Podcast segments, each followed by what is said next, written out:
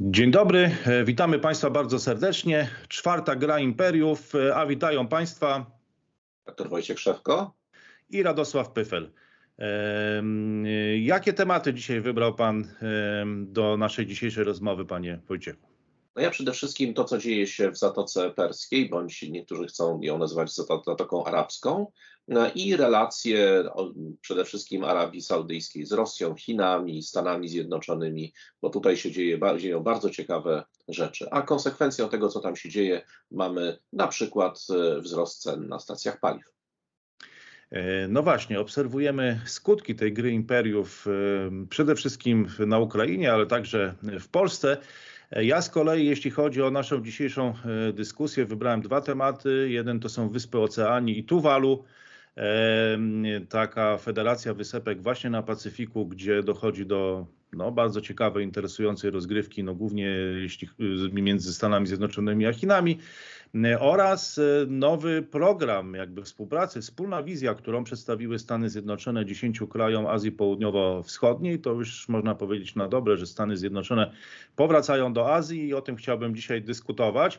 Ale zanim przejdziemy do tych e, tematów, e, których, które tak Państwo lubicie, bo mówicie o tym, że to jest taka pogłębiona analiza, że brakuje gdzieś tam w Polsce czasu na to, żeby o takich problemach bardziej globalnych porozmawiać no to musimy niestety zacząć od Ukrainy i od, która stała się takim polem bitewnym i takim obszarem, w którym krzyżują się interesy globalnych mocarstw, co obserwujemy na bieżąco.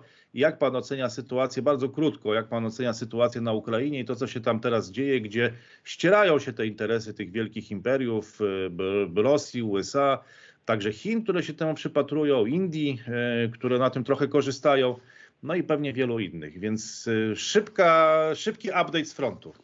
To bardzo krótko. Przede wszystkim e, można odnieść wrażenie, że Rosja utknęła, to znaczy e, co kilka dni zdobywa jedną bądź dwie niewielkie e, miejscowości na wschodzie, natomiast ta, ta ofensywa rosyjska w okolicach Ługańska straciła impet. Rosjanie zaczęli przechodzić po pierwsze do wielu miejscach do obrony, czyli budują sobie jakieś prace inżynieryjne, prowadzą, które mają umocnić ich ewentualną obronę, czyli utrzymanie w przypadku kontrataku ukraińskiego. No i mamy drugą rzecz ważną, to e, pomoc e, zachodnia, która zaczęła już docierać na pole bitwy. Amerykanie twierdzą, że prawie wszystkie, bądź większość e, na przykład haubic, które przekazali, już trafiły na pole bitwy i w odpowiedzi na to mamy rosyjskie bombardowania zarówno okolicy Lwowa, jak i takiego mostu niedaleko Odessy. To są takie dwa znane przynajmniej nam huby transportowe, którymi trafia do Ukraińców pomoc z zachodu.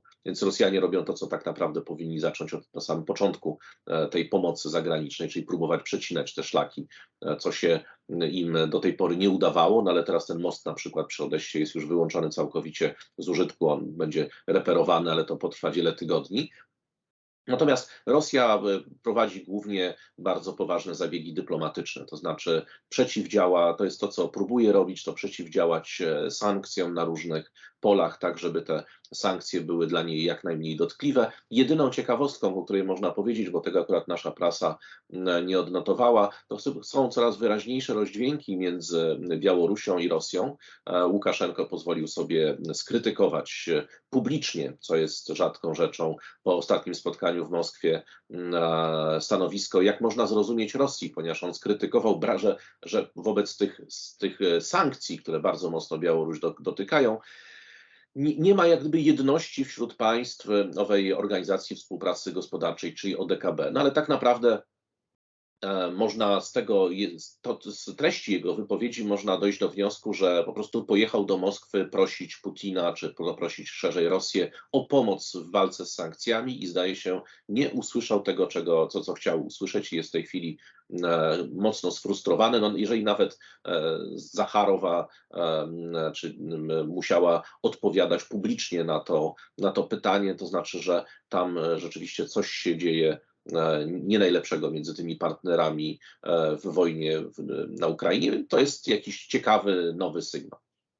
No właśnie, to jest bardzo ciekawe, że kieruje Pan tą uwagę, z, przenosi z pól bitewnych Ukrainy na Białoruś, która też odgrywa bardzo istotną rolę w tym konflikcie, choćby poprzez fakt na razie niewielkiego jej zaangażowania. To także ma istotne znaczenie. Ale to tyle, jeśli chodzi o ten krótki update z frontu, gdzie pojawił się ten wątek białoruski. Teraz przenieśmy się na drugą stronę świata, tak mamy w zwyczaju. E, I chciałbym zaproponować ten temat e, Tuwalu. E, temat Tuwalu i wyspy na Pacyfiku. Był pan kiedyś może na Tuwalu? Nie, nie, wiem tylko, gdzie to jest na mapie. A no właśnie, no ja też nie miałem tej, e, tej okazji i proszę Państwa, właściwie nic dziwnego. Nie wiem, czy ktoś z Państwa tam e, był, czy był też na Wyspach Salomona, bo były to wysepki, które znajdowały się, można powiedzieć, że po zakończeniu II wojny światowej na obrzeżach światowej e, polityki, gdzieś wiodły sobie spokojne życie. Tuwalu to kraj znajdujący się na kilku wysepkach o łącznej populacji około 10 tysięcy mieszkańców, więc nam no wiele miast, takie właściwie niewielkie miasto w Polsce, można tak powiedzieć. I do tej pory główna jakby agenda, czy cała polityka międzynarodowa e, właśnie Tuwalu kręciła się wokół kwestii ocieplenia klimatu, wokół zmian klimatycznych i zagrożenia e, podniesienia poziomu e, Pacyfiku i zalania tych wysp. I w 2019 roku już Tuwalu zaczęło odczuwać powoli skutki tego koncertu mocarstw, bo pojawiły się Chiny z ofertą zbudowania e, sztucznych wysepek. To jest to, o co Chiny są oskarżane głównie przez Stany Zjednoczone i część swoich sąsiadów na Morzu Południowochińskim, że tworzą takie sztuczne wysepki e, w tamtym akwenie i Tuwalu się na to nie zgodziło.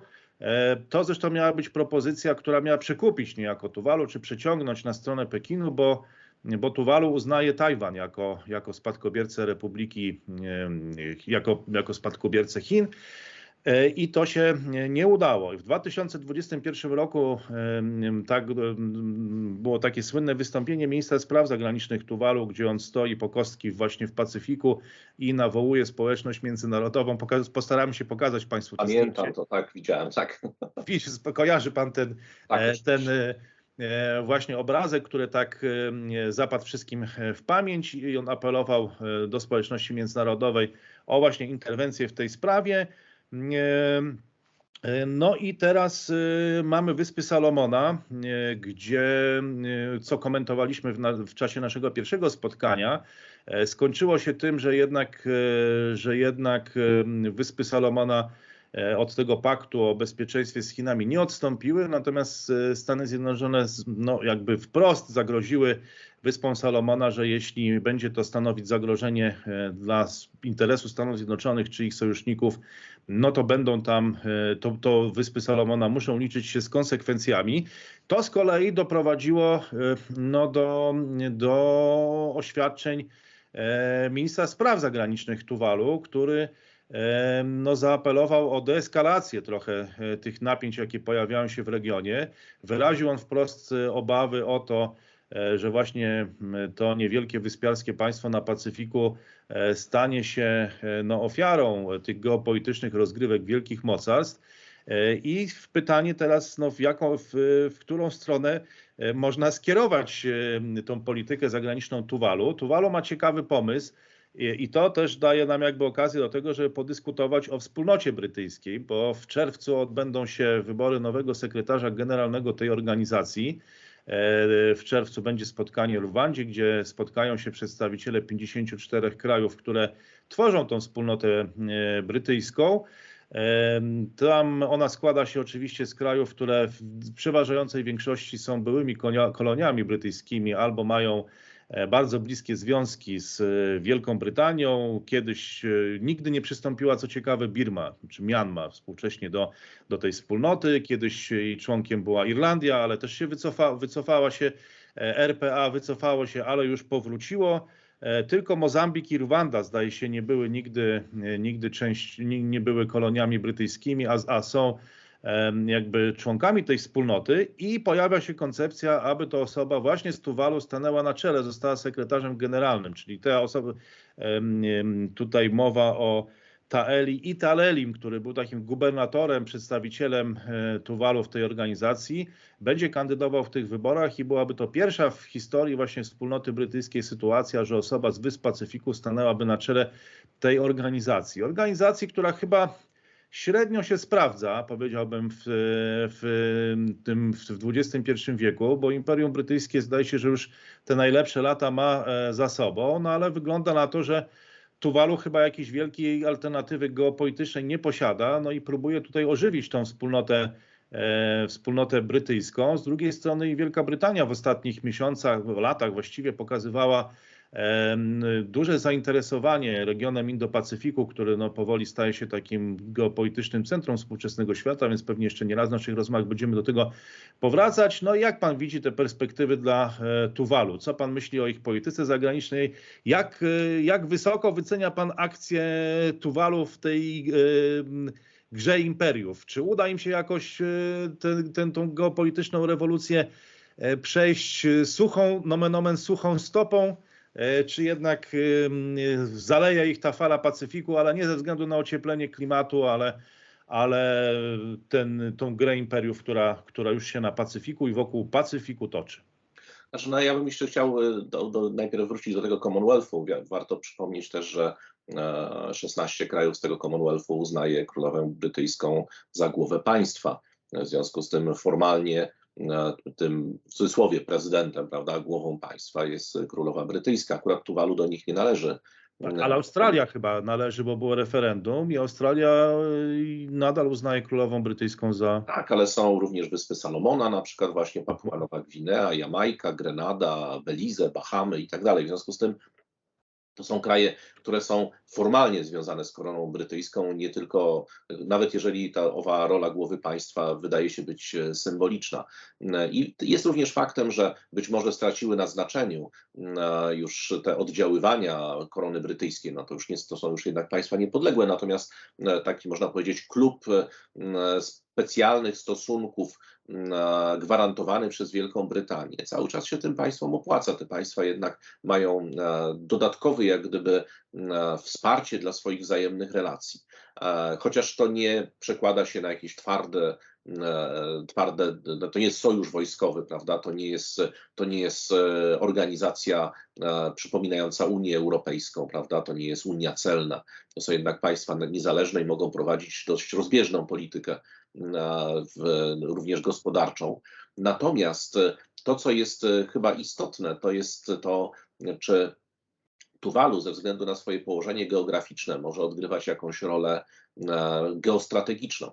I tutaj odpowiedź jest, e, wydaje się, być twierdząca. To znaczy, jest to państwo, które potrzebuje sponsora, jest to państwo, które nie jest w stanie samodzielnie zapewnić sobie chociażby instalacji, które by spowodowały, jakichś instalacji infrastrukturalnych, które by spowodowały chociażby ochronę wybrzeża przed podnoszeniem się e, poziomu morza, bo nie sądzę, żebyśmy naszymi e, rachitycznymi zabiegami byli w stanie e, zmieniać klimat, a w każdym razie zmieniać klimat w krótkim okresie czasu.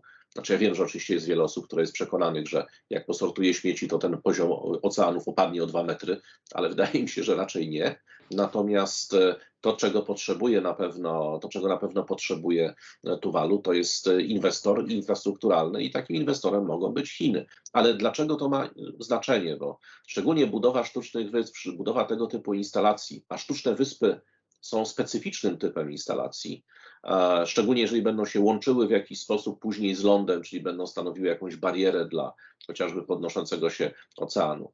Ponieważ e, każda instalacja tego typu rozszerza zasięg oddziaływania formalnego państwa zgodnie z konwencją prawa morza w głąb tego tak zwanego high sea, prawda, czyli w głąb Morza Otwartego. Czyli od każdej tego typu instalacji, jeżeli to jest wyspa, bo od e, skały sterczącej czy jakiejś tam e, płycizny nie, ale już od wyspy tak. Liczymy później, no mamy, mamy wody wewnętrzne, jeżeli tam będziemy mieli na przykład jakieś zatoki, porty i tak dalej. Potem mamy 12-milowe morze terytorialne, ale od linii podstawowej, czyli od tej, od tej której, która jest zewnętrzną granicą wód wewnętrznych, liczymy również 200-milową do 200 mil morskich w każdą stronę na wyłączną strefę ekonomiczną. Gdzie państwo ma możliwość, jeżeli ustanowi taką strefę, wyłącznej eksploatacji, nie, nawet jeżeli nie ma takiej możliwości fizycznej. Czyli jeżeli nawet nie jest w stanie fizycznie, bo na przykład nie posiada floty, ale może wtedy sprzedawać możliwość na przykład eksploatacji e, ropy naftowej, gazu ziemnego, czy tego, co będzie można w danym momencie wydobywać, bo nie wszystkie jeszcze surowce my jesteśmy w stanie w tani sposób wydobywać z dna morskiego. Czyli pojawienie się gdzieś na mapie, nawet wydawało się, jak to ładnie mają, in the middle of nowhere, prawda, w środku niczego, wyspy i jeszcze suwerenności czyjejś nad tą wyspą, może mieć bardzo poważne konsekwencje. To oczywiście nie zakłóca żeglugi, nie można zamknąć, prawda, morza otwartego. Nawet przez, przez wody terytorialne istnieje prawo swobodnego przepływu, ale to nie oznacza, że państwo nie może w tym momencie sprawować nawet częściowej suwerenności. Już nie mówiąc o tym, już nie mówiąc o takich bardzo oczywistych aspektach, prawda, już takich geowojskowych, typu, nie wiem, wydzierżawienie lotniska, budowa pasa startowego, wydzierżawienie bazy morskiej i tak dalej. Ja mówię o takich najbardziej prostych, najbardziej trywialnych, ekonomicznych. Okej, okay, ale z tego, co, z tego, co pan mówi, można wysnuć taki wniosek, że Tuwalu jest wręcz wymarzonym e, obszarem do projekcji siły e, jakiegoś e, mocarstwa, bo z jednej strony Tuwalu e, tej pomocy potrzebuje, samo pewnie nie da rady, no to jest jednak 10 tysięcy ludzi gdzieś tam w, na środku Pacyfiku, czy in the middle of nowhere, jak to, jak to pan określił. E, z drugiej strony istnieje takie zagrożenie, że jeżeli pojawi się kraj o no, ogromnych możliwościach, to on po prostu zabuduje tymi sztucznymi wyspami to Tuwalu, rozszerzy możliwość jego oddziaływania i będzie eksploatować E, ten obszar wokół tego, e, tego państwa. Czy taki scenariusz uważa Pan za prawdopodobny? Tak, znaczy taki scenariusz jest jak najbardziej prawdopodobny. E, to jest... A czemu w takim razie, a to przepraszam, bo jeszcze tylko dopowiem, czy dodam do tego pytania, czemu w takim razie w czasie tych geopolitycznych wakacji, które widać, że już się kończą nawet na Pacyfiku, gdzie jest piękna pogoda i wspaniałe morze, czemu nikt do tej pory nie próbował tego zrobić z tych dominujących mocarstw? No być może po prostu to nie było do tej pory potrzebne. To znaczy, to przecież tego typu, to, no, to się bardzo ładnie określało w tych y, rozważaniach takich starych amerykańskich geostrategicznych, które nie wiadomo czemu w Polsce nazywa się geopolityką. No, mało kto o tym wie, że geopolityka to jest dziedzina geografii politycznej i ona bada relacje między, bada relacje między środowiskiem geograficznym e, i zachowaniami politycznymi. Więc... Ale ja myślę, ja myślę, że w ogóle o, o stosunkach międzynarodowych w Polsce mówi się geopolityka, że to w ogóle już tak, chyba no jest synonim stosunki międzynarodowego polityka, to chyba już właściwie wychodzi na to, że jest jedno i to samo w polskiej. To są zupełnie różne dziedziny, no, geografia polityczna, a, a, a stosunki międzynarodowe, to tak jak powiedziałem, w ogóle geopolityka była nauką, przez pewien no, w ogóle używanie nazwy geopolityka było zabronione po II wojnie światowej, ponieważ właśnie owa geopolityka, czyli relacje pomiędzy zachowaniami politycznymi a środowiskiem geograficznym, w którym na przykład dany naród e, się e, wychowywał, były podstawą, między innymi są jedną, jednym z filarów nazizmu, prawda? Relacja ziemi i krwi, prawda? Widzieliśmy to wszystko to na tych sztandarach, prawda, NSDAP. Więc krótko mówiąc, więc wracając jak gdyby do, do, owych, do owych relacji i do, do tego amerykańskiej szkoły geostrategii, a nie, geopolityki. Amerykanie mieli taką, taką wizję, żeby oto na całym świecie, że mocarstwem jest tylko takie państwo, które e, jest w stanie dominować nad szlakami morskimi. A w związku z tym starało się Stany Zjednoczone i rzeczywiście to realizowały konsekwentnie, obudować świat siecią baz morskich, takich, w których albo amerykańska flota będzie mogła się zatrzymywać, żeby reperować się, ewentualnie zaopatrywać, a jeszcze lepiej, żeby tam można było w skrócie umieścić lotnisko. I to jest, i to miało znaczenie dla amerykańskiej, zresztą ma do dzisiaj znaczenie dla amerykańskiej polityki na całym świecie. Przy czym Dużo oczywiście lepsze, łatwiejsze do utrzymania są bazy, które Amerykanie dzierżawią sobie, no właśnie, tam Katar, Arabia Saudyjska, e, czy w innych jeszcze miejscach e, świata, niż e, no, budowanie sztucznej wyspy po to, żeby sobie taką, taką, taką bazę stworzyć. Natomiast kiedy mogłyby być zmotywowane? No wtedy, kiedy adwersarz, potencjalny adwersarz, bo przypomnijmy, że przecież wbrew temu, co można wyczytać w polskich mediach na temat amerykańskiej polityki, Stany Zjednoczone i Chiny wcale nie są w stanie wojny, bo tak można byłoby do, dojść do wniosku, że, że, że one są no, w przeddzień wojny nuklearnej. Ale jeżeli pojawi się na przykład e, baza morska, czy też nawet e, potencjał bazy morskiej gdzieś w strefie wpływów ewidentnie amerykańskich czy ewidentnie zachodnich, no na przykład tak jak żeśmy ostatnio rozmawiali o w ogóle o Wyspach Salomona.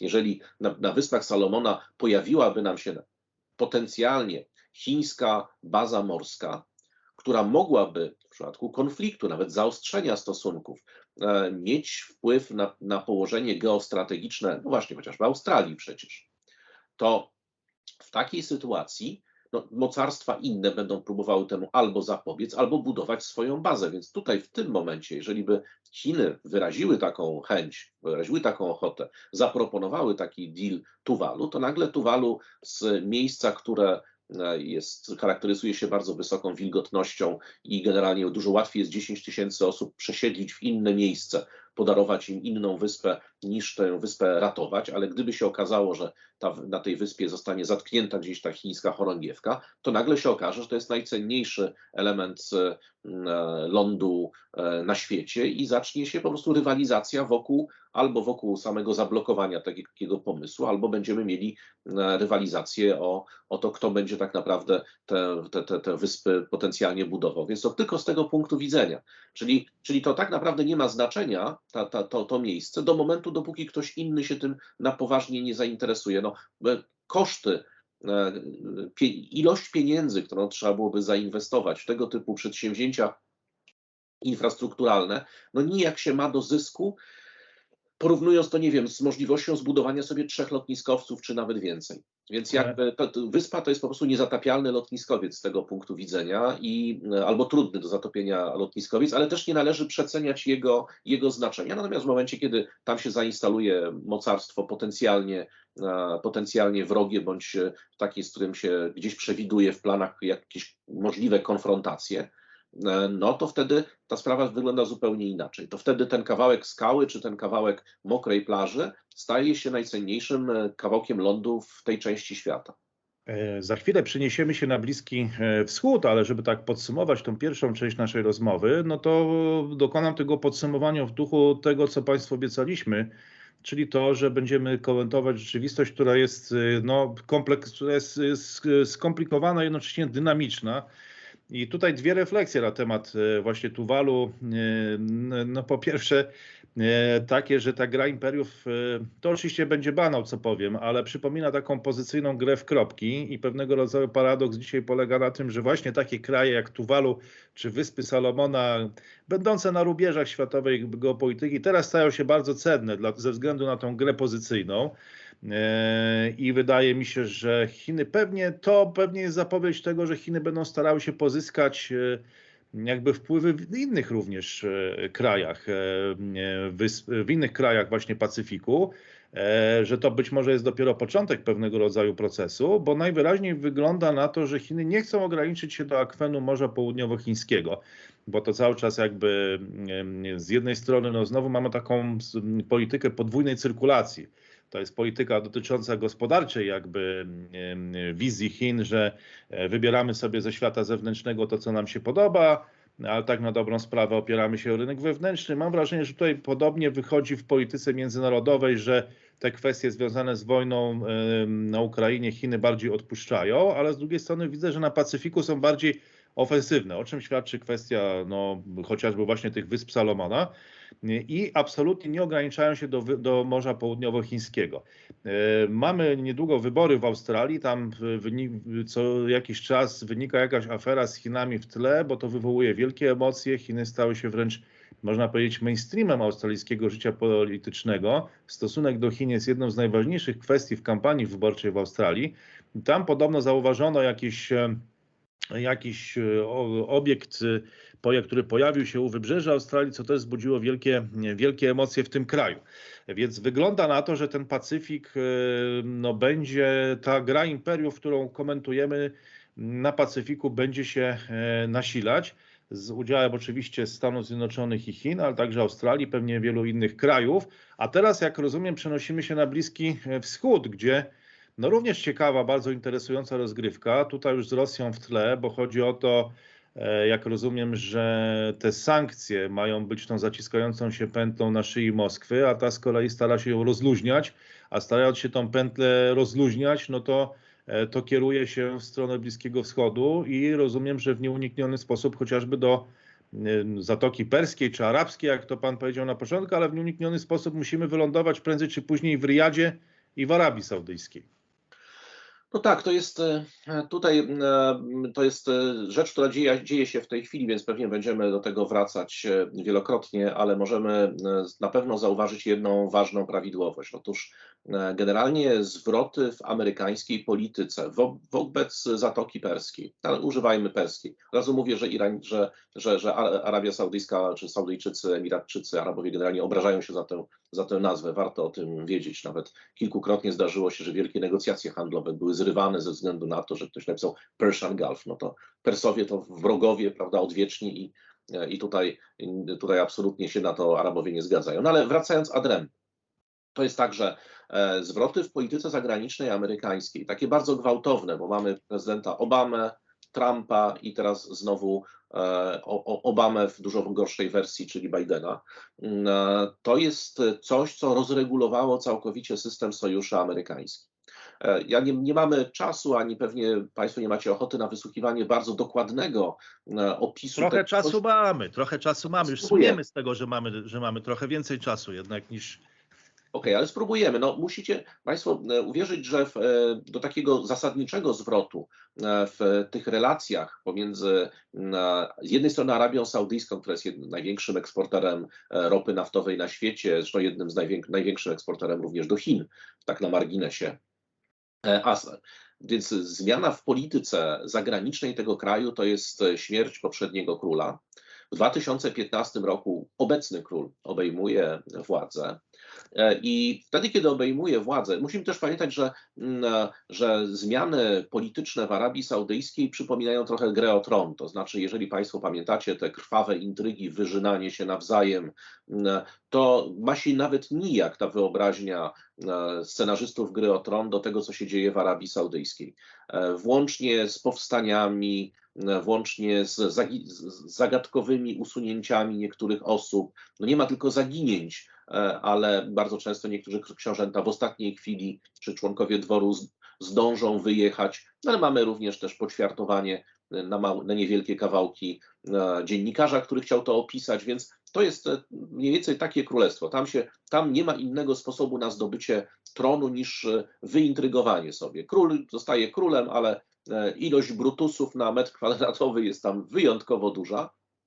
E, a co więcej, każdy z nich ma bardzo często możliwość roszczenia, to znaczy zawsze jest z kimś spokrewniony, więc to nie jest tak, że są to uzurpatorzy. A czy to jest charakterystyka w ogóle Bliskiego Wschodu? Czy, czy widzi Pan jakiś kraj, który mógłby konkurować, jeśli chodzi o o tą gęstość y, tych brutusów na metr kwadratowy nie, na świecie? Chyba, chyba nie ma innego. Tym bardziej, że tutaj mówimy o gigantycznych pieniądzach. To mówimy przecież o setkach miliardów dolarów. To jest y, jeden z krajów, który no, oczywiście gdybyśmy od, zabrali mu ropę naftową, to byłby znowu biednym krajem rolniczym. Natomiast y, i wiele by się chyba jednak nie zmieniło pomimo prób reform. Jest to kraj, który jest uzależniony od eksportu surowców.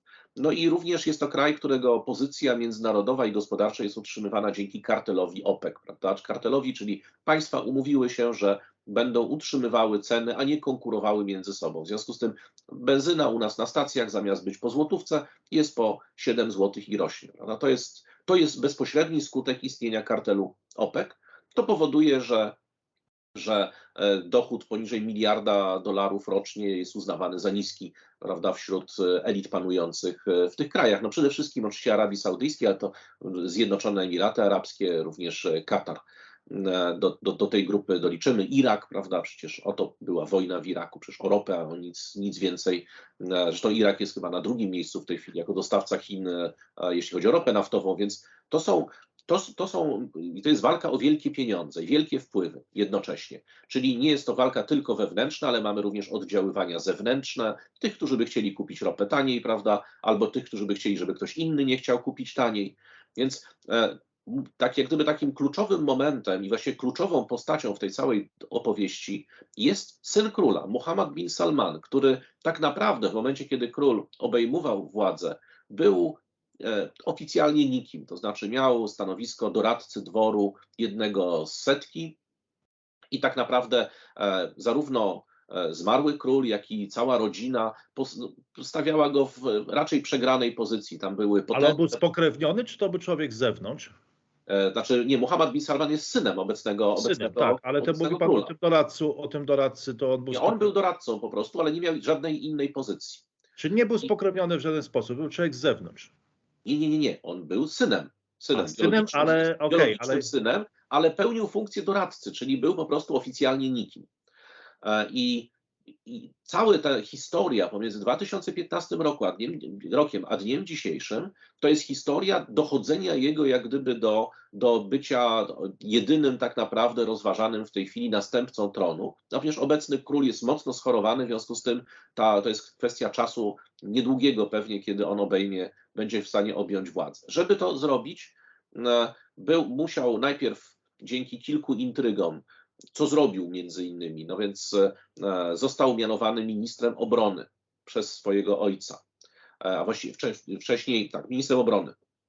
To nie było wcale wysoką pozycją, bo dużo większą pozycję miał na przykład dowódca, dowódca gwardii pałacowej, no bo to on decydował o tym, kto wchodzi, kto wychodzi i jaka jest przeżywalność króla, prawda, bo to on decydował o tym. W związku z tym e, cała historia bardzo skomplikowana polegała na odsuwaniu kolejnych pretendentów do tronu. Tam było, jeszcze się po nim pojawiło, znaczy przed nim pojawiło się dwóch, których e, król musiał e, ze względu na swoją słabą pozycję, e, no i żadną pozycję Muhammada bin Salmana musiał uwzględnić. Ale Muhammad bin Salman po pierwsze ambitnie rozpoczął wojnę w Jemenie. To jest jego, to jest jego indywidualna, można powiedzieć, zasługa. Autorski projekt. Tak jest, autorski projekt, zresztą to jest wojna, która, która się kładzie bardzo długim cieniem na relacje w ogóle Arabii Saudyjskiej z innymi państwami. Tam są popełniane zbrodnie wojenne. Ja nie chcę trywializować tego, co robią Rosjanie na Ukrainie, ale tam na przykład po to, żeby zagłodzić cały naród i wybić biologicznie, e, na przykład wprowadzono e, masowe bombardowania ujęć wody, także największa epidemia cholery chyba od kilkudziesięciu lat to właśnie dokładnie tam tam dziesiątki tysięcy dzieci, które umierały z niedożywienia, dlatego ponieważ zablokowano możliwość e, właśnie dostępu nie tylko do czystej wody, ale również jakichkolwiek środków e, medycznych, mleka, E, produktów spożywczych. To dopiero Organizacja Narodów Zjednoczonych wymusiła otwarcie portu w Hodejdzie. Masowe bombardowania ludności cywilnej odbywają się od 2015 roku. Sana jest bombardowana raz, dwa razy w nocy. To absolutnie nikt o tym nie pisze. Więc to jest ten autorski projekt. I ciekawostką jest również to, że że jednak pomimo tego, bo ta wojna miała dać, miała być blitzkriegiem, miała dać szybkie zwycięstwo Mohammedowi bin Salmanowi, on miał wrócić w, w glorii zwycięzcy, tego, który zdławił rebelię szyickich, e, jak chociaż tak naprawdę zajdyckich Huti, e, ale to się nie udało. Okazało się, że ta armia, która e, posługuje się łapciami strawy e, i czołgami T-34, była w stanie e, rozbić i wygrać, czy wygrywać do dzisiaj z armią Arabii Saudyjskiej, która ma Abramsy, czy emirackimi najemnikami od Wagnera przez Wielką Brytanię, kupujące, to są to państwa najnowocześniejszy sprzęt, co jest drogiego na półkach, to na pewno kupią i to w dużych ilościach i ta armia po prostu przegrywa. Czyli to się, krótko mówiąc, nie udało. Co więcej, w tym samym mniej więcej czasie dochodzi do jeszcze drugiego ciosu w relacje również saudyjsko-amerykańskie, ponieważ zostaje podpisana przez Obamę e, umowa atomowa z Iranem. Iranem, który dzięki tej umowie, e, bo to, że ona dotyczy programu jądrowego, to ma, przepraszam, marginalne znaczenie, bo, e, bo e, Iran nie, nie próbował zbudować broni atomowej, a jeżeli próbował, to tylko po to, żeby wymusić właśnie zniesienie sankcji. Czyli nie broń atomowa była tutaj wartością, tylko odmrożenie kilkudziesięciu miliardów dolarów na kontach i możliwość legalnej sprzedaży ropy. Więc nie dość, że ta sprzedaż ropy oczywiście wzrosła gwałtownie, więc, e, więc Arabia Saudyjska zaczęła zarabiać mniej pieniędzy, bo to jest dla nich e, podstawowe przecież źródło dochodu, ale jest jeszcze drugi aspekt tego. Korzystając z tych pieniędzy, korzystając z odblokowania możliwości handlu międzynarodowego, e, Iran zaczął wspierać swoją aktywną politykę zagraniczną. Co, co, co to znaczy w dużym skrócie? Wsparł libański Hezbollah. Libański Hezbollah do niedawna e, partia nie tylko rządząca, ale generalnie dzięki systemowi sojuszy dominująca w polityce libańskiej. Wygrał wojnę w Syrii, która to Syria, Bashar al-Assad przegrywał tę wojnę na wszystkich frontach. Co więcej, stawił czoła właśnie Iran i wygrał, czy wygrywa wojnę w Jemenie gdzie dzięki właśnie pomocy irańskiej, dzięki dronom, technologiom rakietowym, no te, te drony są w stanie bombardować Riyad, prawda, czy bombardować Dubaj, czy, i omijać amerykańskie systemy przeciwlotnicze. Więc we, na wszystkich frontach. No i oczywiście zdominował też politykę, politykę iracką e, i Iran dzięki temu mógł sfinansować pomoc dla Iraku. I w sytuacji, w której Bagdad już był oblężony, to znaczy był, od trzech stron był otoczony przez państwo islamskie, to przecież irańskie jednostki i irańska broń e, pomogła e, Irakijczykom i te szyickie milicje, prawda, które są dzisiaj zwalczane, ale wtedy były jedynym, jedynymi troops on the ground, jak to boots on the ground, jak mawiał e, Obama, były jedyną siłą, która była w stanie zwalczyć z państwem islamskim. Więc ten Iran nagle zyskał wiatr w żagle. No oczywiście było to ze szkodą dla Arabii Saudyjskiej, bo Arabia Saudyjska słusznie się obawia, że Iran nie tylko jest w stanie zaatakować fizycznie Arabię Saudyjską, ale przede wszystkim irańska wizja islamskiego państwa zagraża samej egzystencji dworu saudyjskiego. W związku z tym to jest kwestia egzystencjalna, nie tylko kwestia jakiejś rywalizacji mniej lub bardziej e, abstrakcyjnej na arenie międzynarodowej. To jest coś, to jest ten moment, kiedy Arabia Saudyjska może zacząć nie lubić Stanów Zjednoczonych. Oto tak w dużym telegraficznym skrócie.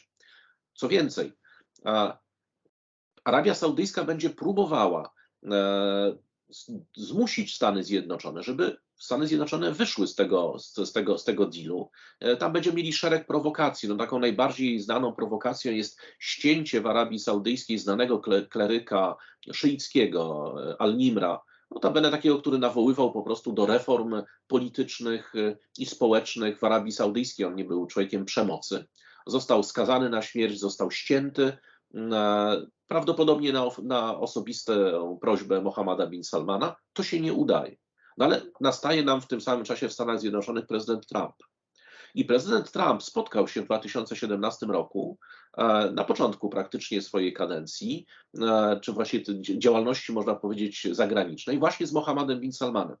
Mohammed bin Salman wtedy był, również jego pozycja była no, cały czas słaba, niska.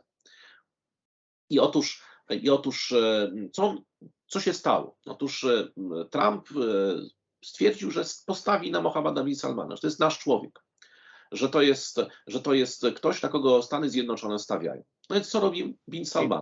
Zakłada NATO sunnickie. To jest coś niezwykłego. Ogłasza nagle sojusz na rzecz walki z terroryzmem, który tak naprawdę ma być sojuszem anty, antyirańskim. Notabene z państwa, które się on to ogłosił, a większość państw dowiedziała się z telewizji, że jest w jakimś sojuszu wojskowym.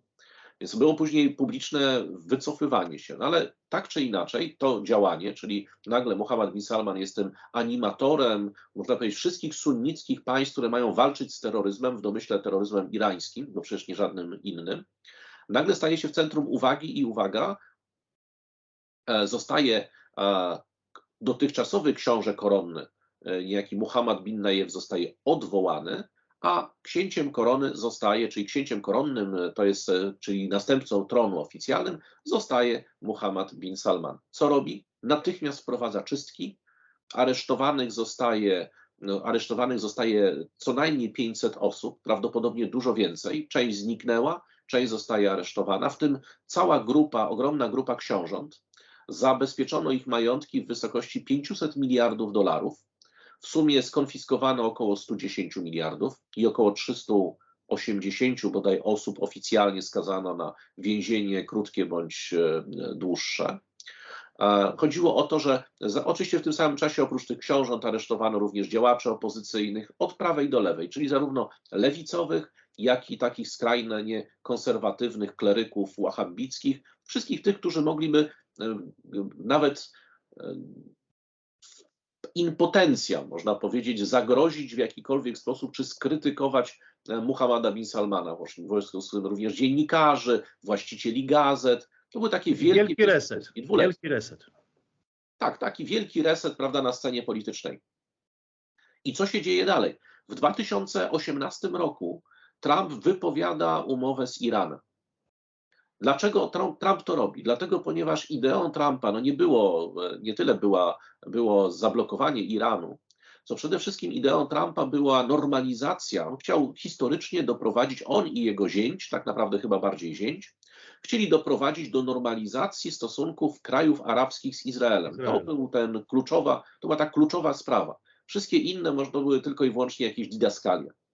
Żeby to zrobić, no trzeba było pozyskać Arabię Saudyjską. Notabene nie udało się tak na marginesie, bo Arabia Saudyjska ostatecznie do tego nie przystąpiła. To zmienia nam całkowicie oblicze Bliskiego Wschodu również. E, to powoduje również napięcia pomiędzy Unią Europejską i Stanami Zjednoczonymi, ale jak widać mamy no, o 180 stopni zmianę polityki amerykańskiej w tej części świata. Co więcej, w 2020 roku mamy w ostatnim rzutem na taśmę, można powiedzieć, Trumpa, mamy ten tak zwany Abraham Accord, prawda, czyli normalizację trochę na siłę stosunków, e, stosunków e, Izraela z państwami arabskimi.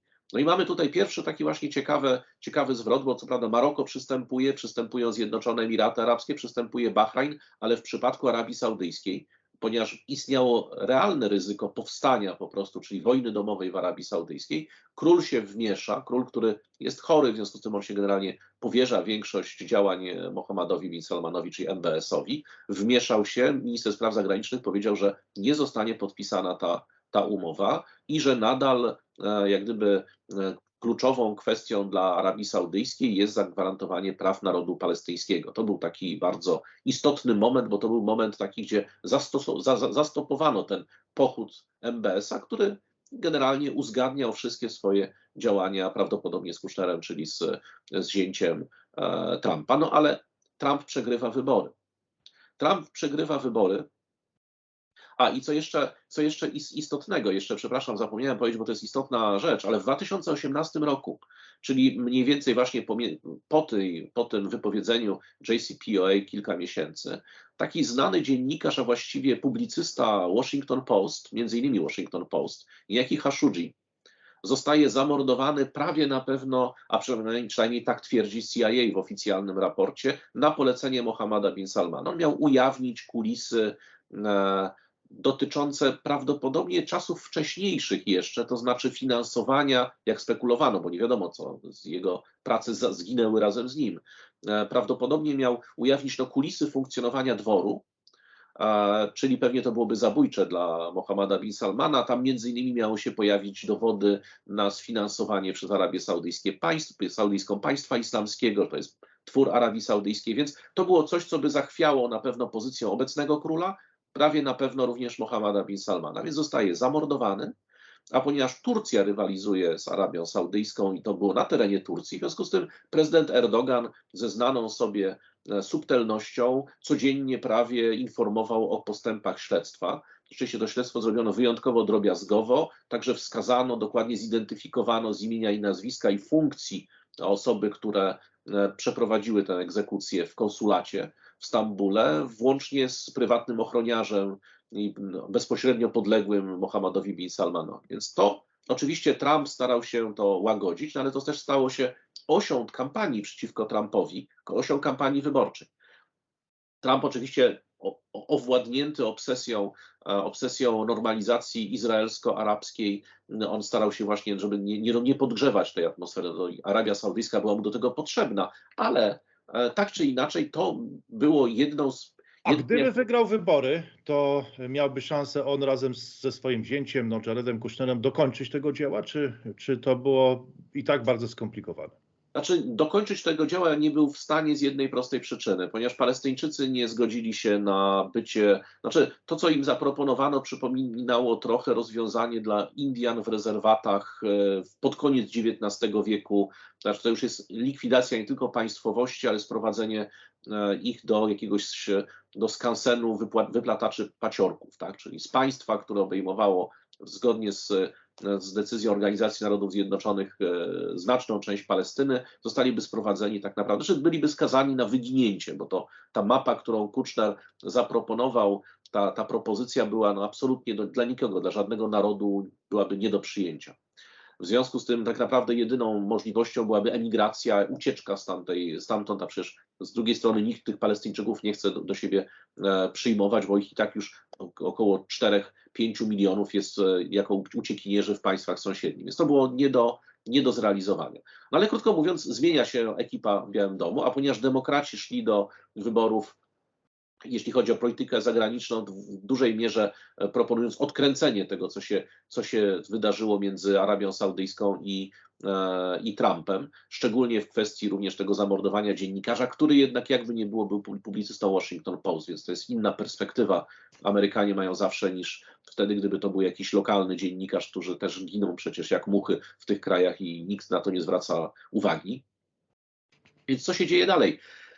Administracja Bidena wprowadza sankcje związane no, na, najpierw na tych zabójców Khashoggiego, e, oskarża oficjalnie Mohammada bin Salmana o udział. Zresztą jest bardzo wiele procesów, które są w Stanach Zjednoczonych, również cywilnych. E, on uznaje się, ponieważ on nie jest głową państwa, w związku z tym on chyba nie korzysta z immunitetu, a chyba tak e, twierdzą sądy amerykańskie. To administracja amerykańska wcale temu nie przeszkadza. E, tym procesom. Również e, Stany Zjednoczone wycofują e, organizację Houthi z listy organizacji terrorystycznych, czyli uznaje się, że ci, którzy walczą z Arabią Saudyjską w Jemenie, to są bojownicy o wolność, krótko mówiąc, a nie terroryści.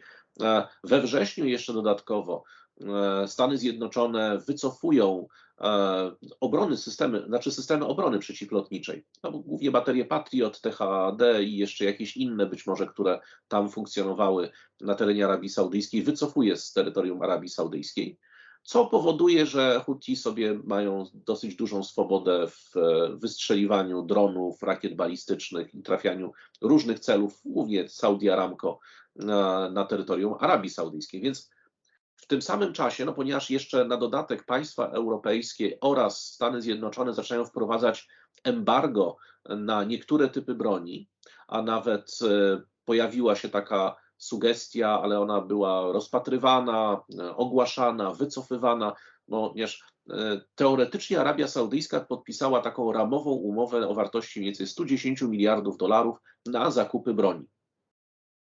Ona nie została nigdy w pełni zrealizowana, no ale ona jest jak gdyby impotencja, czyli jest możliwość cały czas zakupu, e, tylko ta broń jest dostarczana w dużo oczywiście mniejszych transzach. Więc Biden zaproponował w ogóle, czy na początku administracja Bidena w ogóle zawiesiła tę umowę e, i e, tak naprawdę do jakichś większych sprzedaży od tamtej pory nie doszło.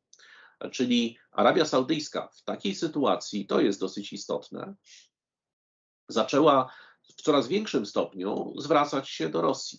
Czy oczywiście to jest proces, bo to jest proces, ale rzeczywiście ten zwrot gwałtowny nastąpił od momentu dojścia do władzy Bidena, który to Biden zresztą wyjątkowo nie, nie no. Właśnie, i to e, przedstawił Pan taki długi rys historyczny, e, też no, z, świat pełen intryg e, tego Mohalada, Mohammada Is E, Salwana, e, zawirowania w administracji amerykańskiej, które też miały ogromny wpływ na region. Dużo rzeczy zrobił Donald Trump, teraz to pewnie będzie odkręcane. To, co robił, pewnie nie było zbyt realistyczne. E, no i to wpychało Arabię Saudyjską w ramiona Rosji, pewnie też w ramiona Chin, to nie oszukujmy się. No i mamy wojnę na Ukrainie i teraz czy ten proces uległ przyspieszeniu jeszcze i jakie to miało wpływ? Czy miało to jakiś duży wpływ czy już nie miało dużego wpływu, bo i tak ta sprawa się zdecydowała wcześniej ze względu na te wszystkie procesy, które pan wymienił? Czy na pewno po tym, kiedy Biden został prezydentem, po pierwsze nie doszło do żadnego spotkania pomiędzy nim i Muhammadem bin Salmanem, czy też królem Arabii Saudyjskiej szerzej, ale to wiadomo, że bin Salman rządzi. E, po drugie, teraz, kiedy wybuchła wojna na Ukrainie, oficjalnie dwukrotnie odmówił MBS w ogóle rozmowy z Bidenem. W tym samym czasie no, zagrozili chyba, że przejdą na, że porzucą dolara w ogóle w rozliczeniach. Właśnie, ostentacyjnie rozmawiając z Putinem, co więcej wyraźnie powiedziano, że e, Arabia Saudyjska również wstrzymywała się od głosów, jeśli chodzi o e, wszystkie te rezolucje potępiające e, rosyjską inwazję. Nawet zostały wydane takie komunikaty, że ten dotyczące JC, dotyczące OPEC, czyli umowy pomiędzy OPEC i Rosją, że jest to, że ten sojusz jest niepodważalny, że ta umowa jest niepodważalna, będzie realizowana. Czyli krótko mówiąc, Arabia Saudyjska odmówiła e, zwiększenia produkcji, czyli sprzedaży na rynek większej ilości ropy, żeby utrzymać ceny, czyli ta, to wywindowanie cen jest bezpośrednim, bezpośrednią, jak gdyby ma bezpośredni związek z polityką Arabii Saudyjskiej. Znaczy, Arabia co teraz Saudyjska... Amerykanie mogą zrobić, żeby wymóc na Arabii Saudyjskiej pożądaną politykę? No bo próbują narzucić sankcje na Rosję, Arabia Saudyjska zwróciła się w stronę Rosji, jak to pan przedstawił. No i co teraz? No więc co teraz, to warto obejrzeć. Jest taki film e, stary, nazywa się Syriana. I tam właśnie jest przedstawiony taki młody, ambitny książę, który e, próbuje zreformować królestwo, ale robi jedną rzecz, a mianowicie stawia się Amerykanom. E, a to Więc... taka, rozumiem, bajka z morałem? Taka bajka z morałem, bo ostatnia scena to jest właśnie ta rakieta, która właśnie uderza w jego samochód, jak na pustyni gdzieś tam jedzie, e, i to jest mniej więcej to, co się może wydarzyć. To znaczy, to jest tak, że dla Stanów Zjednoczonych Arabia Saudyjska jest E, kluczowa z punktu widzenia, to nie jest jakieś państwo 45 e, kategorii, to nie jest państwo, gdzie trzeba ułożyć na nie pieniądze. Mamy przykłady z najnowszej historii, gdzie Amerykanie byli w stanie dokonywać przewrotów, zamachów, e, obalać prezydentów, nagle się może okazać, że jakaś wewnętrzna rewolucja się pojawi, że jakiś inny ambitny książę będzie w stanie dokonać przewrotu, to można się czegoś takiego spodziewać. Oczywiście nie wiemy, na ile Amerykanie są w tej chwili sprawni, no bo jeżeli zakładamy, że, że przewrót w Turcji, o który Erdogan oskarża Amerykanów, no nie udał się, krótko mówiąc, to być może też nie uda się tu, ale z drugiej strony mieliśmy przecież obalenie prezydenta Mossadeka w Iranie, które zostało bodajże za jakąś cenę chyba miliona dolarów w sumie, no, ówczesnych, ale jednak E, przeprowadzona cała skomplikowana operacja jednak z zasadniczej zmiany władzy w Iranie, prawda?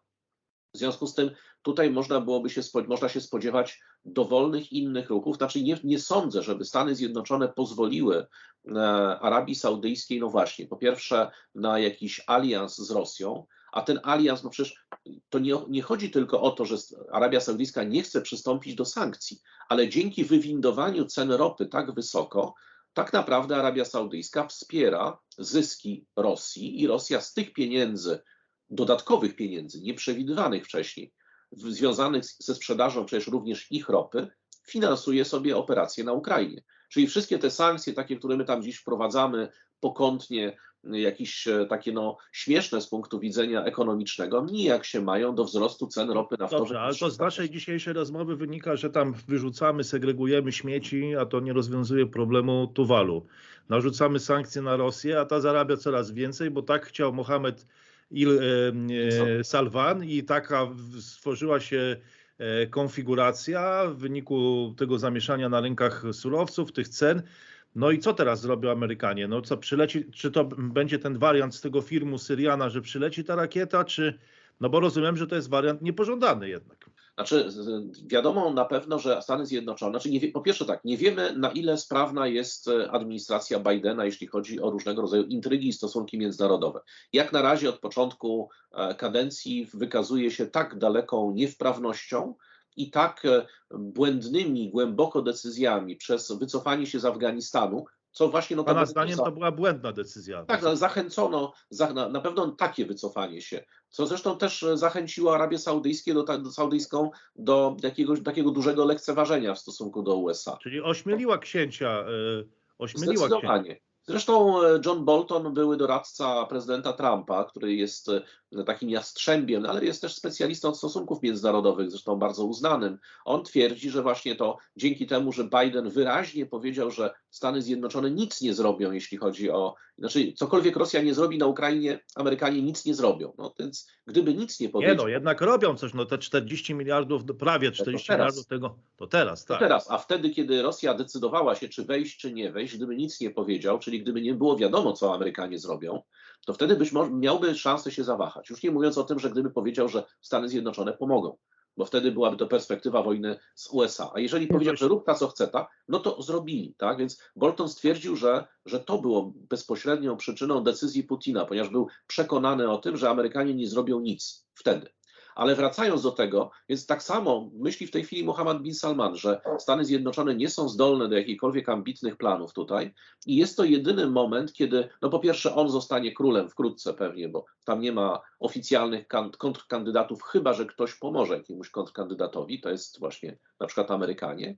Ale druga sprawa również, to on e, chce zadać Amerykanom jeszcze bardziej dotkliwy cios i tutaj właśnie wracamy do Chin ponieważ po pierwsze no został w tej chwili Xi został Xi Jinping, prawda, został e, zaproszony do Riyadu e, i ma rzekomo pojawić się w maju, chociaż nie została wyznaczona jeszcze przynajmniej oficjalnie data, więc pewnie to będzie z jakiegoś tam zaskoczenia to się stanie.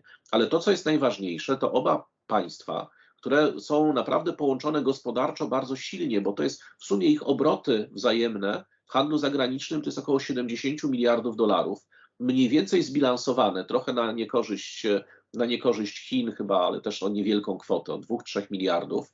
Co więcej, e, to jest największy dostawca ropy naftowej do, do Chin, e, Arabia Saudyjska. I oba państwa mają rozmawiać, i taki jest potencjał, o odejściu od dolara w Właśnie, to, to, jest to jest rewolucja. Przejściu na juana. A musimy pamiętać, że Stany Zjednoczone swoją e, przewagę gospodarczą nad całym światem, to jest taka subtelność, która no, nie, nie dla każdego jest zrozumiała. E, potęga Stanów Zjednoczonych opiera się przede wszystkim na tym, że popyt na dolara, czyli popyt na walutę amerykańską, nie wynika z chęci zakupu towarów amerykańskich, tylko jest to waluta używana przez kraje trzecie albo do wymiany międzynarodowej, albo jako środek tezauryzacji, czyli krótko mówiąc, trzymana w skarbcu po to, że jako, w cudzysłowie w skarbcu oczywiście, e, jako e, coś, co jest e, tą wartością. Tak jak kiedyś złoto, prawda, trzymano w skarbcu na czarną godzinę i dla rozliczeń międzynarodowych tak samo trzyma się w cudzysłowie oczywiście dolara. To oznacza, trochę trywializując, że Amerykanie mogą sobie włączyć drukarkę, i dodrukować dolarów i nie będzie to miało negatywnego wpływu na ich gospodarkę, ponieważ popyt na tego dolara jest. A jeżeli państwa te dwa będą się e, rozliczać przy pomocy juana, to znaczy, że te 60 miliardów dolarów popytu na dolara, który jest generowany przez ich wzajemne obroty, zniknie. Pojawi się popyt na juana. Ale z tego właśnie, co pan e, mówi o Arabii Saudyjskiej, wynika e, taka sytuacja, że no te sankcje, które Amerykanie narzucają na Rosję, czy też namawiają do e, wprowadzenia tych sankcji, co troszkę nie, do końca czasami się udaje w Europie, bo niektóre kraje stają okoniem i to niekoniecznie zawsze Węgry, które chyba dobrze się już czują w roli tego bad boya i chyba Orbanowi mam wrażenie, że to sprawia jakąś przyjemność, że on e, chętnie właśnie zawsze się deklaruje jako ten najbardziej przeciwny. No ale już abstrahując od tego, jak te sankcje idą w Europie, to wychodzi na to, że w wyniku tego procesu, który przyspiesza, to po pierwsze ceny ropy idą w górę, Rosja sobie to bilansuje tym wzrostem, wzrostem tych, tych cen i zaczyna przyspieszać się e, pojawienie się tego świata, w którym to nie dolar jest tą walutą wymienialną. I co ciekawe Chiny oczywiście na tym zyskują, ale de facto w wyniku działania Rosji, bo nawet same nie podejmują tutaj bezpośrednich E, działań, chociaż jeżeli do Riyadu przyjedzie Xi Jinping do końca maja, tak jak to jest planowane, chociaż jak pan powiedział, nie znam jeszcze dokładnej daty tej wizyty, to ten proces będzie jeszcze przyspieszał. Ale... Jeszcze mamy Indie, jeszcze mamy Indie, które również mogą przejść na innego rodzaju rozliczenia. No i czy tutaj y, Stany Zjednoczone się nie przeliczą, bo mówi pan, że że zdecyduje zdolność do, do pałacowych intryg, no, w których chyba książę tutaj Mohammed Il Salman udowodnił, że jest niezły. Tak. E, ale teraz może Amerykanie wystawią jakiegoś kandydata na dworze w Riyadzie e, i może okaże się, że ta administracja Bidena no nie tylko jest taka idealistyczna w tych swoich no, chęciach, samych chęciach, ale że potrafi również no, w, dobrze odnaleźć się w tej polityce znaczy, pałacowej. No, Widzi pan taką możliwość? Właśnie, ponieważ jest to kwestia kluczowa i to jest naprawdę bardzo ważny moment również w historii świata, bo dla nas to ma również... I to się zdecyduje gdzieś w pałacach Riadu. Praktycznie tak, praktycznie bezpośredni, e, ale e, jeżeli mówimy o zdolności do wystawienia kontrkandydata, to niedawno dla jednej z amerykańskich gazet jeden z e, doradców dworu czy jakiś tam e, znany analityk, w każdym razie saudyjski, e, którego przesłuchiwał dziennikarz, powiedział, że jeżeli Amerykanie, znaczy, że następnym królem będzie Mohammed bin Salman, jeżeli amerykańscy amerykańscy analitycy i politycy potrze- chcą usłyszeć inne nazwisko, to oni potrzebują nie specjalisty, tylko, a jeżeli specjalisty, to psychiatry, bo to znaczy, że żyją w jakiejś ułudzie, prawda, która, jest, która się nie wydarzy. Więc taka, taka jest percepcja w Arabii Saudyjskiej, ale... Znaczy, jeżeli on już obejmie ten tron, to tak prawdopodobieństwo kolejnego kandydata e, e, spadnie, to mu gwarantuje mocniejszą pozycję, jak już zostanie tym królem? No jak zostanie tym królem, to się będzie musiał utrzymać jeszcze, e, no ale wtedy rzeczywiście możliwość wymienienia jego jest dużo obarczona dużo większymi tak, problemami. Natomiast Amerykanie, co, mogą, co, co muszą Amerykanie zrobić? Znaczy, Amerykanie, jeżeli, żeby utrzymać się jako mocarstwo światowe, muszą przede wszystkim zapobiec temu, co się w tej chwili dzieje, nie w kontekście Arabii Saudyjskiej, tylko w kontekście Chin, ponieważ Chiny nic nie robiąc tak naprawdę, albo robiąc tak business as usual, prawda, czyli niespecjalnie y, intrygując tutaj, po pierwsze staną się y, państwem, które jest w stanie w, globalnie wrzucić wyzwanie amerykańskiemu dolarowi. To jest, może być bardzo poważny cios dla amerykańskiej gospodarki. Po drugie, dzięki temu E, co się właśnie w tej chwili dzieje na Ukrainie i z, i z, z, z Rosją dokładnie. Z jednej strony chcą zabezpieczyć sobie dostawy, czyli e, zwiększenie potencjalnie dostaw z Arabii Saudyjskiej do Chin, a ponieważ, z, ponieważ uznały, i to jest już oficjalne, że kupowanie ropy i gazu od Rosji jest po prostu problematyczne ze względu na trudności z rozliczaniem się i z sankcjami. Sankcje, tak. Ale nawet jeżeli tak nie będzie, to dzięki temu Chiny, zresztą Indie również, zgłosiły już chęć zakupu, co prawda, rosyjskiej ropy, bo wszystkim tu chodzi o ropę naftową, ale po dużo, dużo niższych cenach, uznając, że jest to po prostu cena ryzyka, bo jest to cena kosztów jak gdyby obchodzenia sankcji. Pewnie to jest sztucznie e, wywołany postulat, no ale jeżeli ta ropa tam była po 113 bodajże dolarów, to wtedy e, Indie zgłosiły chęć kupowania bodajże po 70. Więc to nie jest, e, to jest duży cios również w Rosję. I tak samo Chiny, czyli krótko mówiąc, będą beneficjentem tak czy inaczej, bo jeżeli będą kupowali od Rosji dużo, dużo taniej, to oczywiście zwiększy się konkurencyjność ich gospodarki, no i cena tej gospodarki e, będzie, czy koszty w tej gospodarce będą niższe i to znacznie niższe, a jeżeli nie, to będą kupowały od Riyadu przez Juana, w związku z tym ten Yuan, renminbi, prawda, wzmocni się i to wzmocni się zasadniczo. Natomiast Amerykanie mogą przeszkodzić temu tylko w jednym miejscu, to znaczy robiąc coś z Arabią Saudyjską. E, I to jest, i to robiąc coś, znaczy mają jednego asa w rękawie, i ten as się właśnie za chwileczkę nam pojawi. To jest chyba kwestia tylko i wyłącznie tygodni, ponieważ e, Stany Zjednoczone są gotowe do powrotu za chwilę dosłownie do umowy z Iranem. Czyli być może będzie tak dobrze, wy chcecie robić deal z Rosjanami, to my wam w tym momencie e, uwolnimy Iran który tylko czeka, żeby odegrać się na Saudyjczykach, no chociażby za te... No jeszcze jest Wenezuela, chociaż to tak akurat nie zaboli, yy, podejrzewam. Ale, znaczy nie zaboli to z Arabii Saudyjskiej, ale Wenezuela tak, no pani prezydent chyba dzisiaj, albo wczoraj, albo dzisiaj powiedziała coś takiego, że, że tam wracają amerykańskie i europejskie firmy do Wenezueli.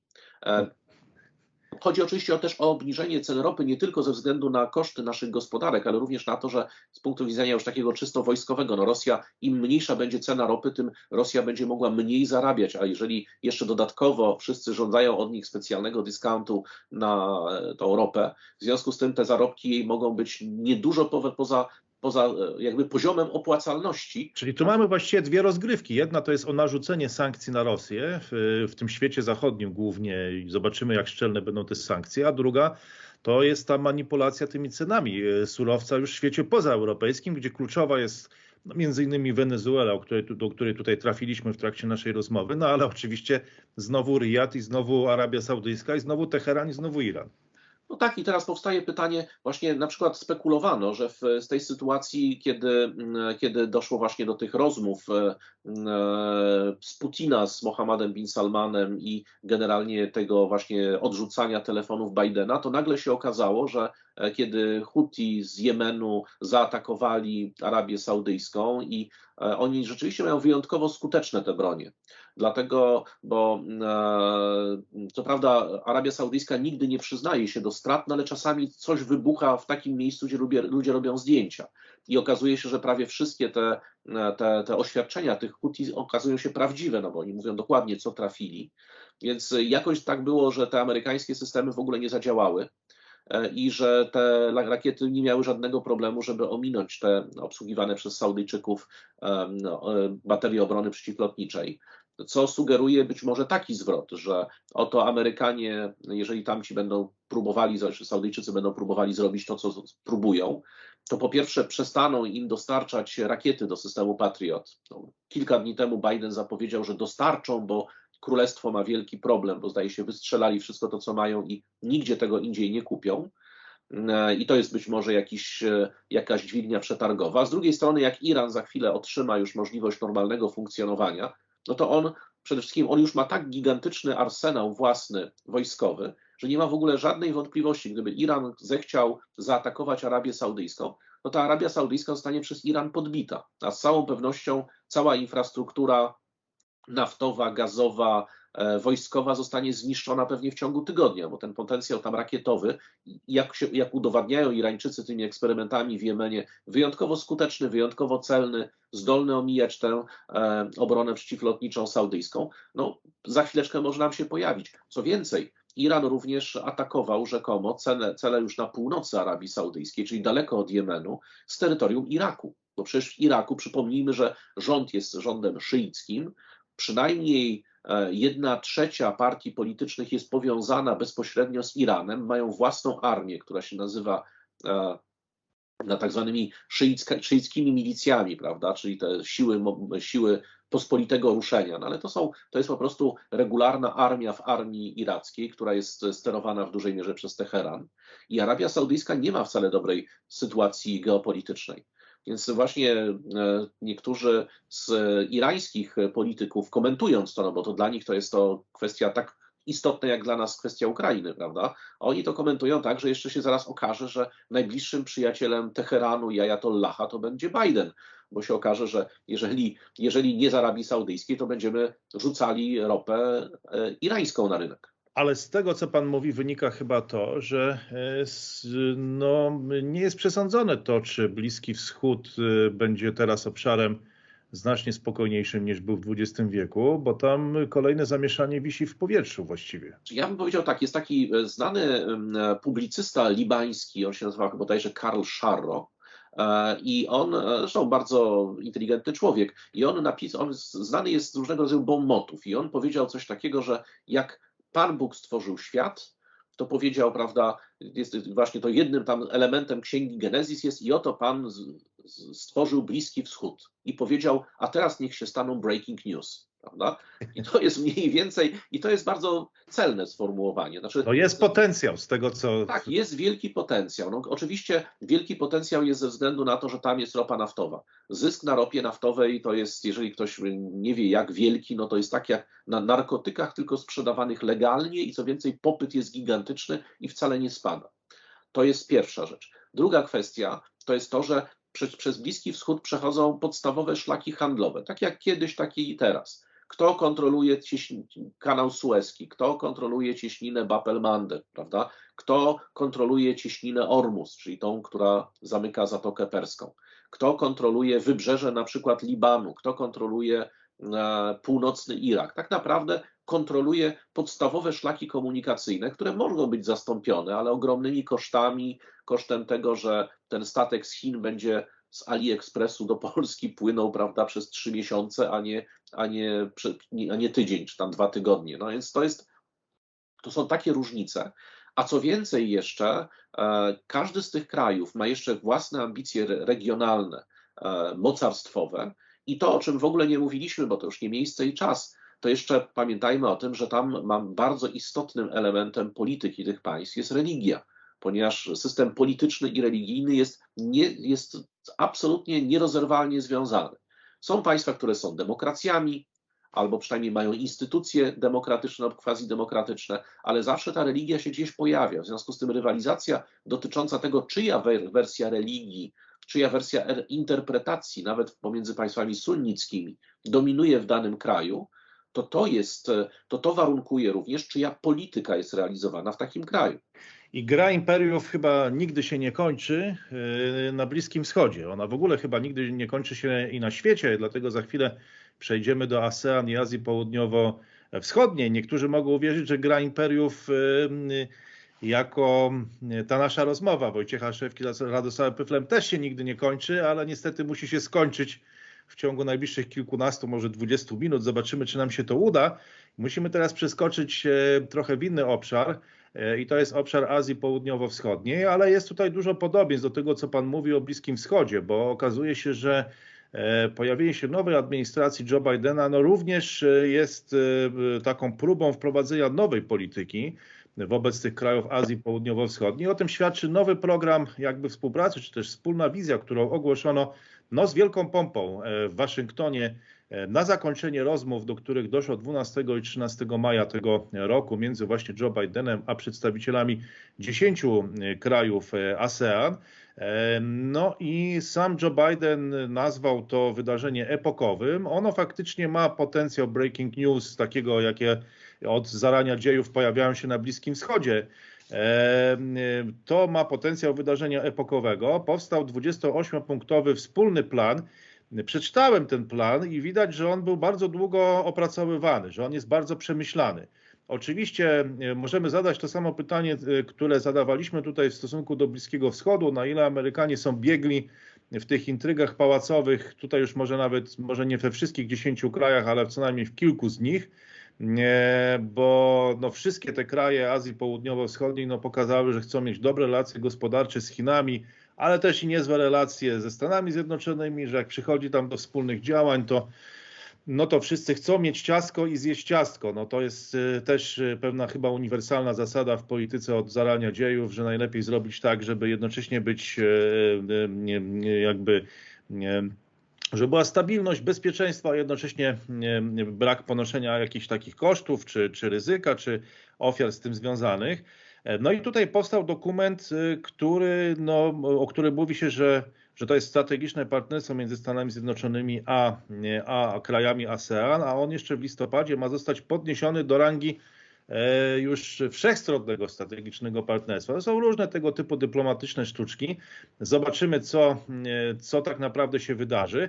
Ale co jest ważne w tym e, dokumencie, no to to, że e, e, tak na dobrą sprawę przejrzałem te 28 punktów i można powiedzieć, że to jest chińska wizja regionu z amerykańską charakterystyką, czy też chińska wizja regionu z takim liberalno-lewicowo-zachodnim, zachodnią charakterystyką właśnie.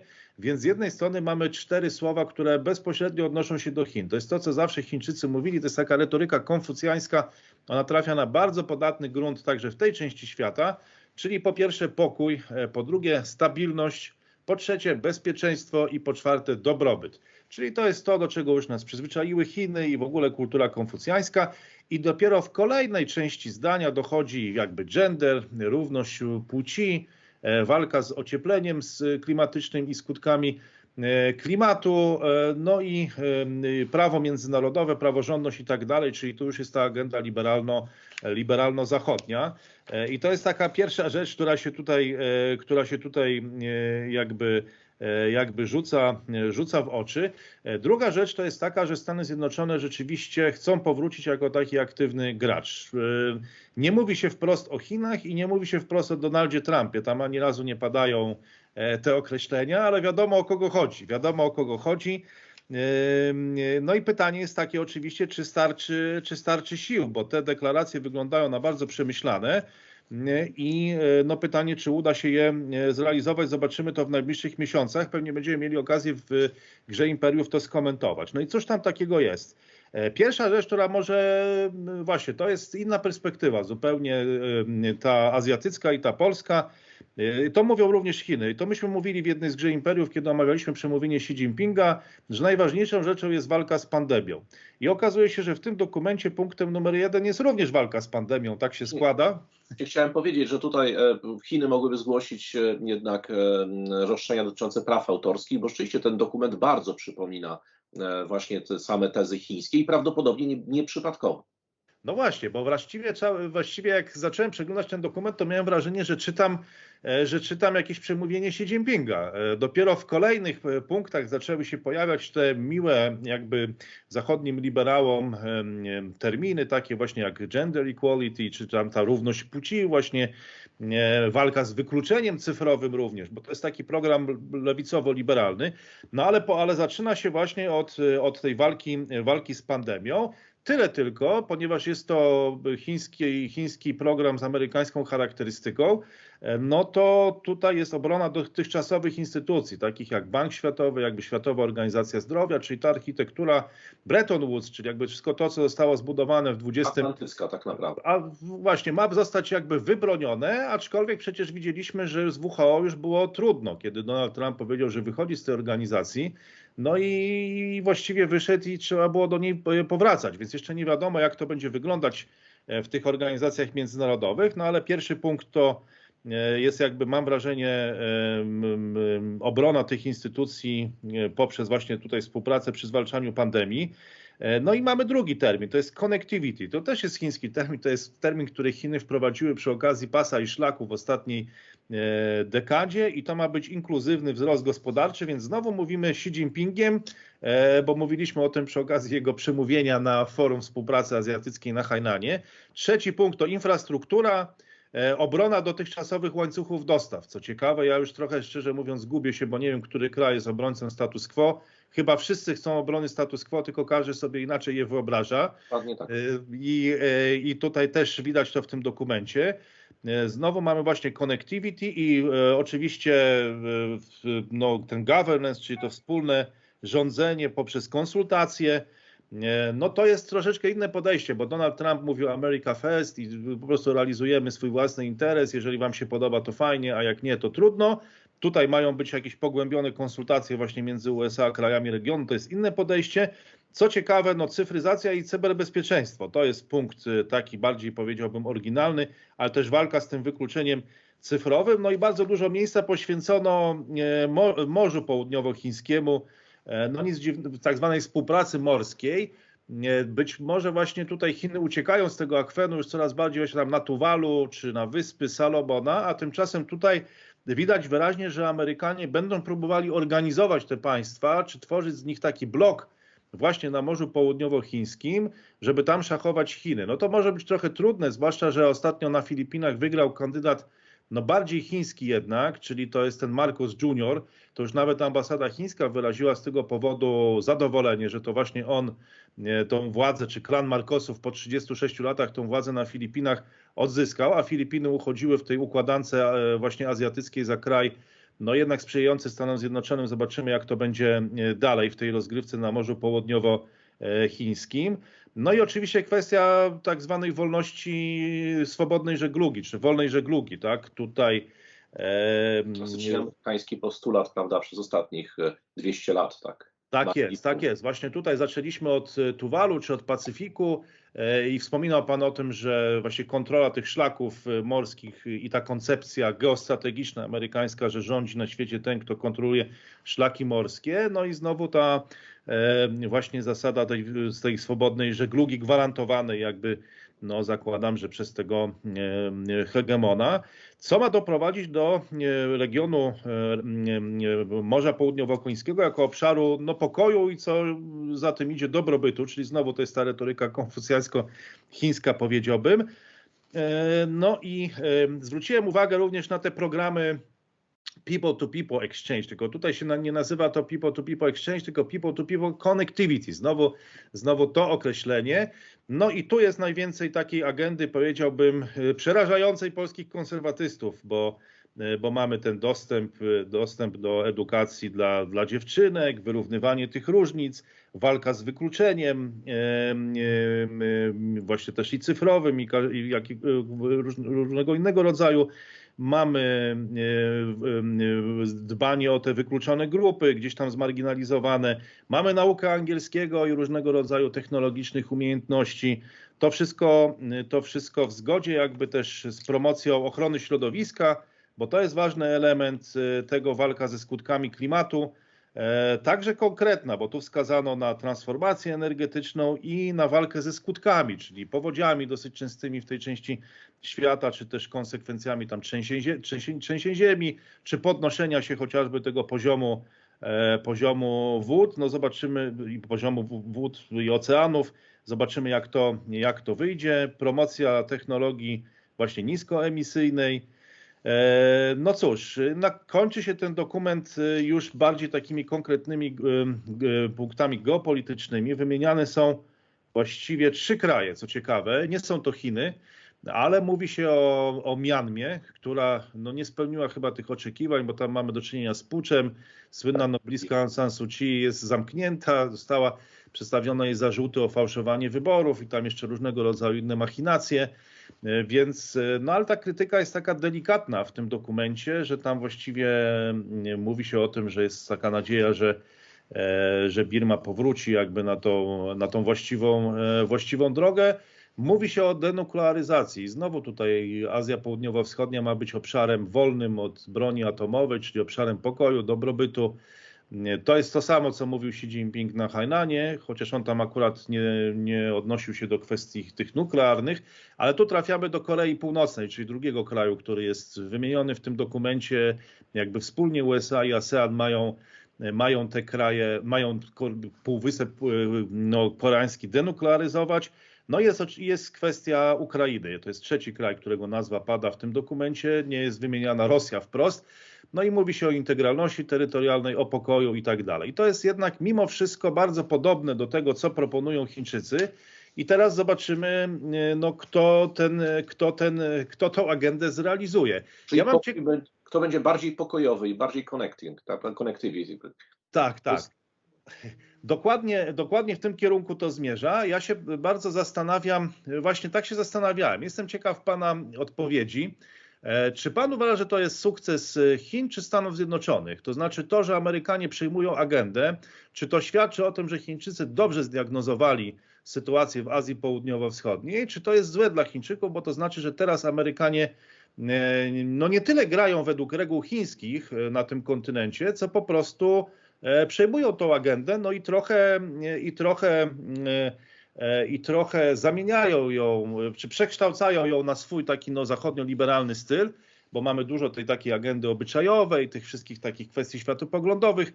E, no i właśnie, i czy to nie przypomina Panu trochę tego Bliskiego e, Wschodu i tej rywalizacji w tej części świata, no że różne rzeczy można jednak formułować, czy różnego rodzaju programy, no a potem trzeba to wcielić w życie, jakoś wpłynąć na te rządy, no które pewnie tutaj z natury akurat w tej części świata to będą próbowały no, balansować jakoś e, i zobaczymy, co z tego wyjdzie. Jak pan to ocenia? Znaczy tak bardzo krótko, już w tej chwili w moim przekonaniu przede wszystkim e, Chińczycy dobrze zdiagnozowali potrzeby tych krajów. No Dlatego no tak, i teraz Amerykanie jakby na tym korzystają. To jest... Amerykanie natomiast uznali, że ponieważ to jest, to jest dobrze zidentyfikowany zestaw potrzeb, w związku z tym rzucają Chinom wyzwanie no, na własnym podwórku. Czyli krótko mówiąc, będziemy mieli dwie agendy które są e, w kluczowych kwestiach owych potrzeb, można powiedzieć, tych państw e, tożsame w dużej mierze. Natomiast to, co będzie istotnego, to będą te różnice, ponieważ wszystkie te rzeczy, które są przedstawiane jako dodatek, byśmy powiedzieli, ten liberalno-prozachodni, mają być tym elementem konkurencyjnym, czyli tym, który będzie ograniczał znowu wpływy chińskie i generalnie można powiedzieć takie wpływy konserwatywne, czy ten postęp społeczny, postęp gospodarczy, liberalny, postęp można powiedzieć obyczajowy również versus e, chiński konserwatyzm. E, czyli e, Amerykanie po prostu próbują pokazać, że co prawda proponujemy w kwestiach, można powiedzieć, ogólnoludzkich, gospodarczych dokładnie to samo, a wy, narody ASEAN, czyli generalnie narody Azji, macie wybrać, czy wolicie model chiński, krótko mówiąc, czy model amerykański. Więc to jest oczywiście bardzo mądre, dlatego ponieważ e, inaczej, bez tego, e, tak naprawdę e, rola Stanów Zjednoczonych ograniczałaby się właśnie do tego, co Chińczycy im zarzucają, czyli takiego światowego policjanta. Trochę by te, te, te, ten, te Stany Zjednoczone trochę w tym kontekście przypominałyby Rosję po prostu w tym, w tym oto kontekście, że pozostaje nam tylko brutalna siła i, i niewiele więcej do zaoferowania. Czyli bądźcie naszymi przyjaciółmi, albo was zbombardujemy. A tutaj właśnie Chińczycy pokazywali. Po, Bo tam od czasów Wietnamu już, e, od czasów Wietnamu, jeśli e, pamięć mi nie byli, to chyba już nie bombardowano, bo e, Kambodża, Wietnam, i jakbyśmy sięgnęli pamięcią, to chyba już nie było od 40 w Azji, lat. W Azji nie, no ale to się przesunęło na inne powiedzmy regiony świata. No już w Afganistanie, prawda, to już trochę bliżej, jak najbardziej tak. Czy w Pakistanie nawet. Ale jest potencjał na Morzu Południowochińskim, żeby no już wisi w powietrzu ten konflikt od, od jakiegoś czasu i no, nie wiadomo, czy to by nie oznaczało jakiegoś militarnego zaangażowania Stanów tak, Zjednoczonych. Ale to jest konflikt jakby prowokowany przez to, że Chińczycy uznają suwerenność nad tymi sztucznymi wyspami, bo to głównie tego dotyczy i właśnie rozszerzają sobie to zgodnie z prawem e, morza. Notabene pamiętajmy, że tego prawa morza, czyli tej konwencji akurat Stany Zjednoczone nie ratyfikowały, nie są stroną. One uważają zwyczaj, prawda, i w tym zwyczaju najważniejszą wolność żeglugi i próbują sobie to po prostu wymuszać. Ale no tak, jest, tak. Znaczy tu próbują. Stadia, dlatego, ponieważ ja tylko tak. chciałem powiedzieć, że najistotniejszym elementem, tym podstawowym elementem, e, to jest tak naprawdę walka już nie o jakąś jedną wysepkę, tylko o to, na czyją stronę, czyli kto będzie liderem, można powiedzieć, współpracy. Czyli na czyją stronę uda się przeciągnąć państwa azjatyckie. Czyli nie walczymy tutaj o kawałek skały i kilka ryb dookoła, tylko walczymy o całe państwa, cały region i to, kto tak naprawdę będzie tym, tą siłą wiodącą ekonomicznie, politycznie, e, a w związku z tym, kto tak naprawdę ten region będzie no, przynajmniej kontrolował, to może za dużo powiedziane, ale kto będzie miał wpływ, pozytywny wpływ na jego funkcjonowanie. I Stany Zjednoczone, i to jest taka ta strategia, można powiedzieć, łagodnego powstrzymywania Chin w ten sposób. Tak to można byłoby te, te, te, te, te dokumenty. I to jest bardzo ciekawe, bo mamy do czynienia z powrotem właściwie do pivotu do Azji, czyli to jest ta koncepcja, którą kiedyś Foreign Policy ogłosiła Hillary Clinton, zdaje się w 2011 roku, o ile mnie pamięć nie myli.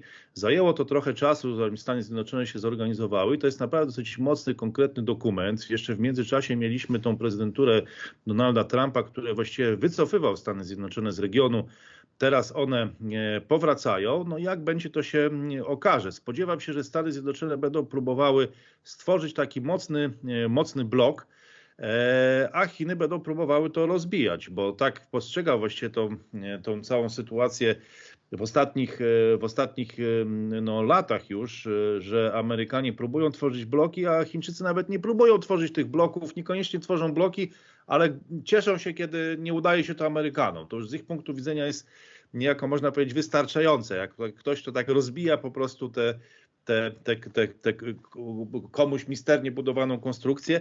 Zobaczymy, jak to będzie. Następny akord tej rozgrywki w listopadzie, kiedy dojdzie do kolejnego spotkania i wtedy to partnerstwo dzisiaj strategiczne ma zostać podniesione do rangi wszechstronnego strategicznego partnerstwa. Jak będzie szła ta implementacja, to zobaczymy, to na pewno e, skomentujemy bo gra imperiów się nie kończy, chociaż niestety kończy się rozmowa e, Wojciech Szewko, Radosław Pyfel dotycząca gry imperiów, przynajmniej kończy się tym razem i tak już bardzo krótko, czego się pan spodziewa e, w następnych tygodniach, takie jedno wydarzenie. No w przyszłym tygodniu będzie kolejna gra imperiów. No na pewno, bo to się akurat nigdy e, nie kończy. Pewnie Xi Jinping w Riyadzie, mamy wybory w Australii. No tak, mamy, mamy wybory, zakończyły się wybory w Libanie, będziemy mieli nową koalicję, więc będziemy mieli na pewno o czym e, opowiadać. I tym optymistycznym, tym, tą optymistyczną zapowiedzią żegnamy się dzisiaj e, e, z Państwem, a żegnają się z Państwem Wojciech Szewko i Radosław Pyfel. Życzymy wszystkiego dobrego, dużo zdrowia i do zobaczenia, ponieważ gra imperiów nigdy się nie kończy. Wszystkiego dobrego.